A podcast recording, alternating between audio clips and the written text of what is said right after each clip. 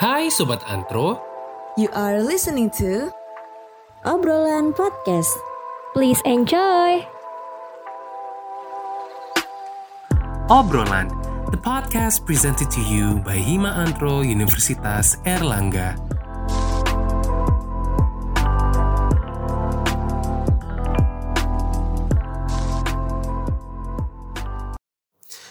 Welcome back to Obrolan, the podcast presented to you by Hima Antropologi Universitas Erlangga.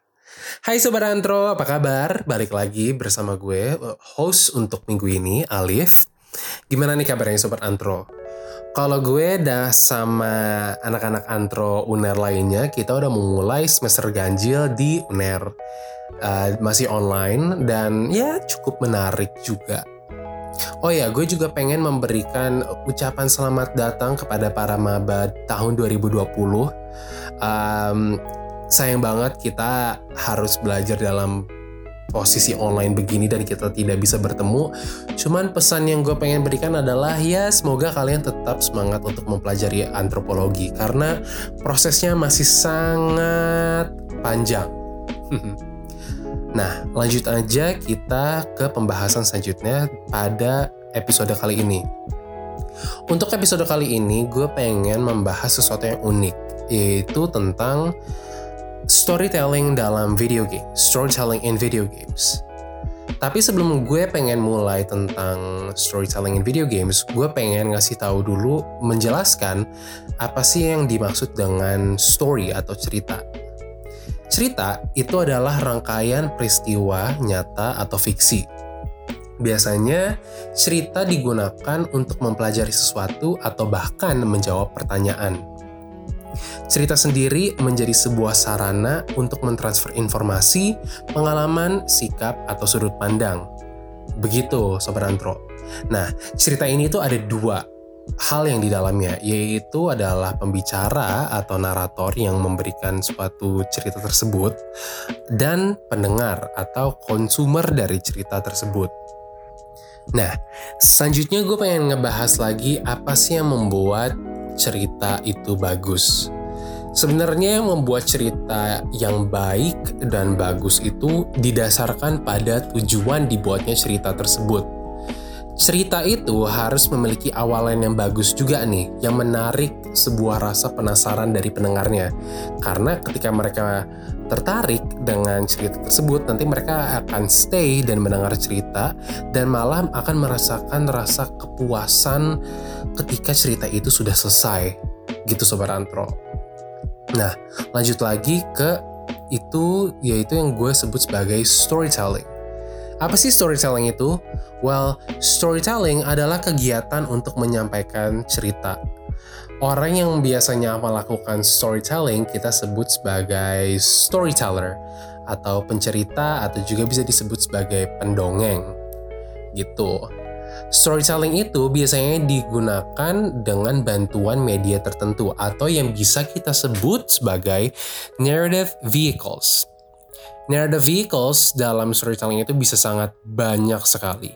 Kayak contohnya nih, penulis. Penulis biasanya menggunakan kata-kata atau biasanya kata-kata dia yang biasa dia tulis dalam sebuah novel atau buku cerita atau buku dongeng anak-anak dan masih banyak lagi yang biasanya itu menggunakan eh, kalimat-kalimat uh, yang secara tertulis gitu atau verbal. Yang kedua itu ada musisi. Biasanya musisi menggunakan musik untuk menceritakan cerita mereka. Biasanya kalian bisa menemukan cerita dalam liriknya atau dari bagaimana nadanya digunakan atau direpresentasikan seperti itu. Lalu muncul juga narrative vehicles yang bisa disebut sebagai visual mediums atau media visual. Kita biasanya menemukan visual mediums ini dalam bentuk animasi atau film baik itu film animasi juga atau film yang menggunakan aktor secara uh, asli atau duniawi begitu. Nah, munculnya storytelling dalam bentuk media video games ini sebenarnya itu terbilang sangat baru gitu. Karena uh, video games awalnya itu tuh tidak punya cerita malah.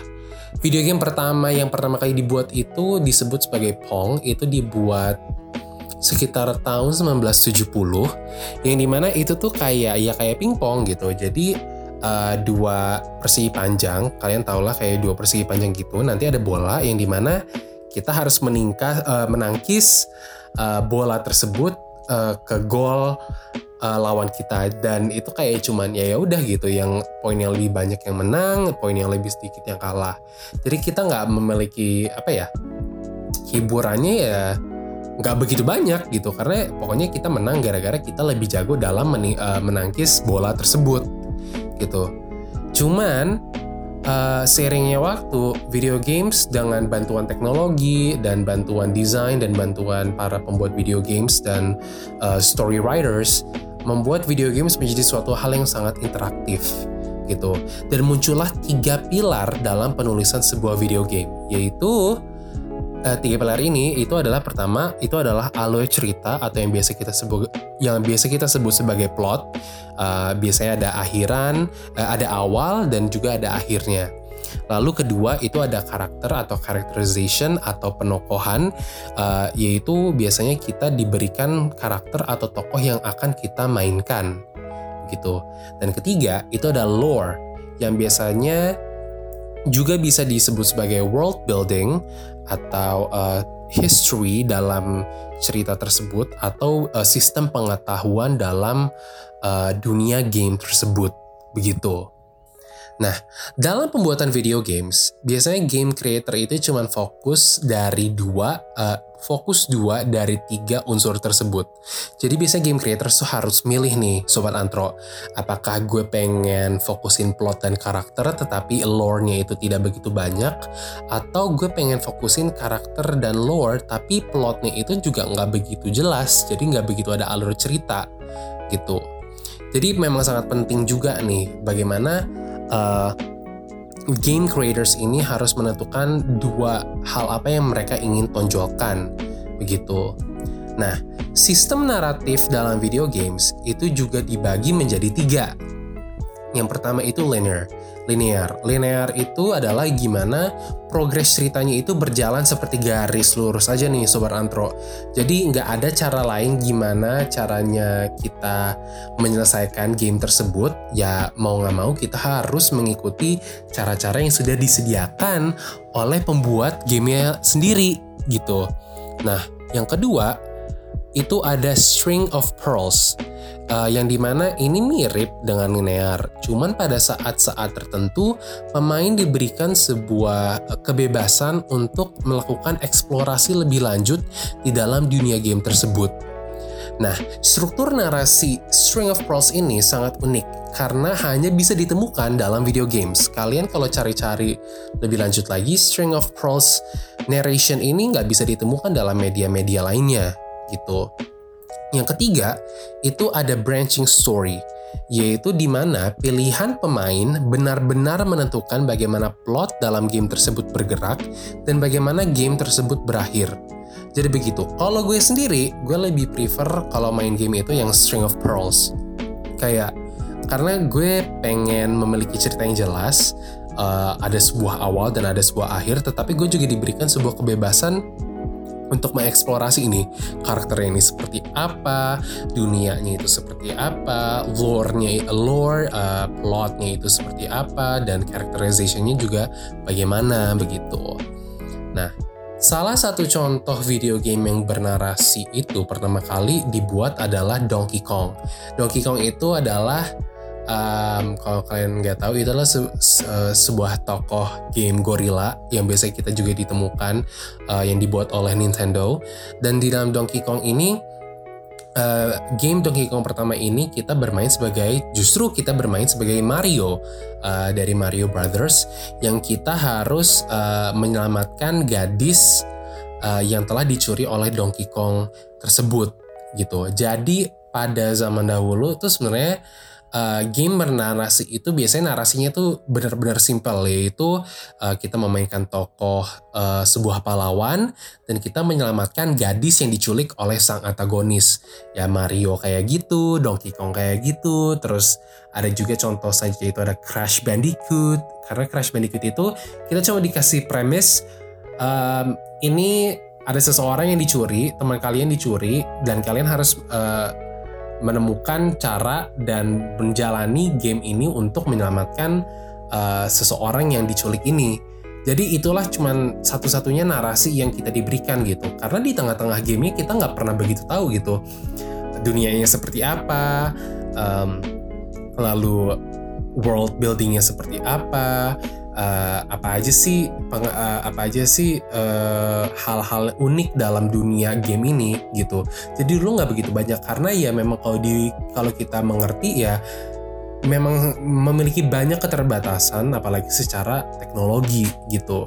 Cuman kalau kita lihat sekarang setelah beberapa beberapa tahun ke depan muncul video games yang sangat interaktif gitu.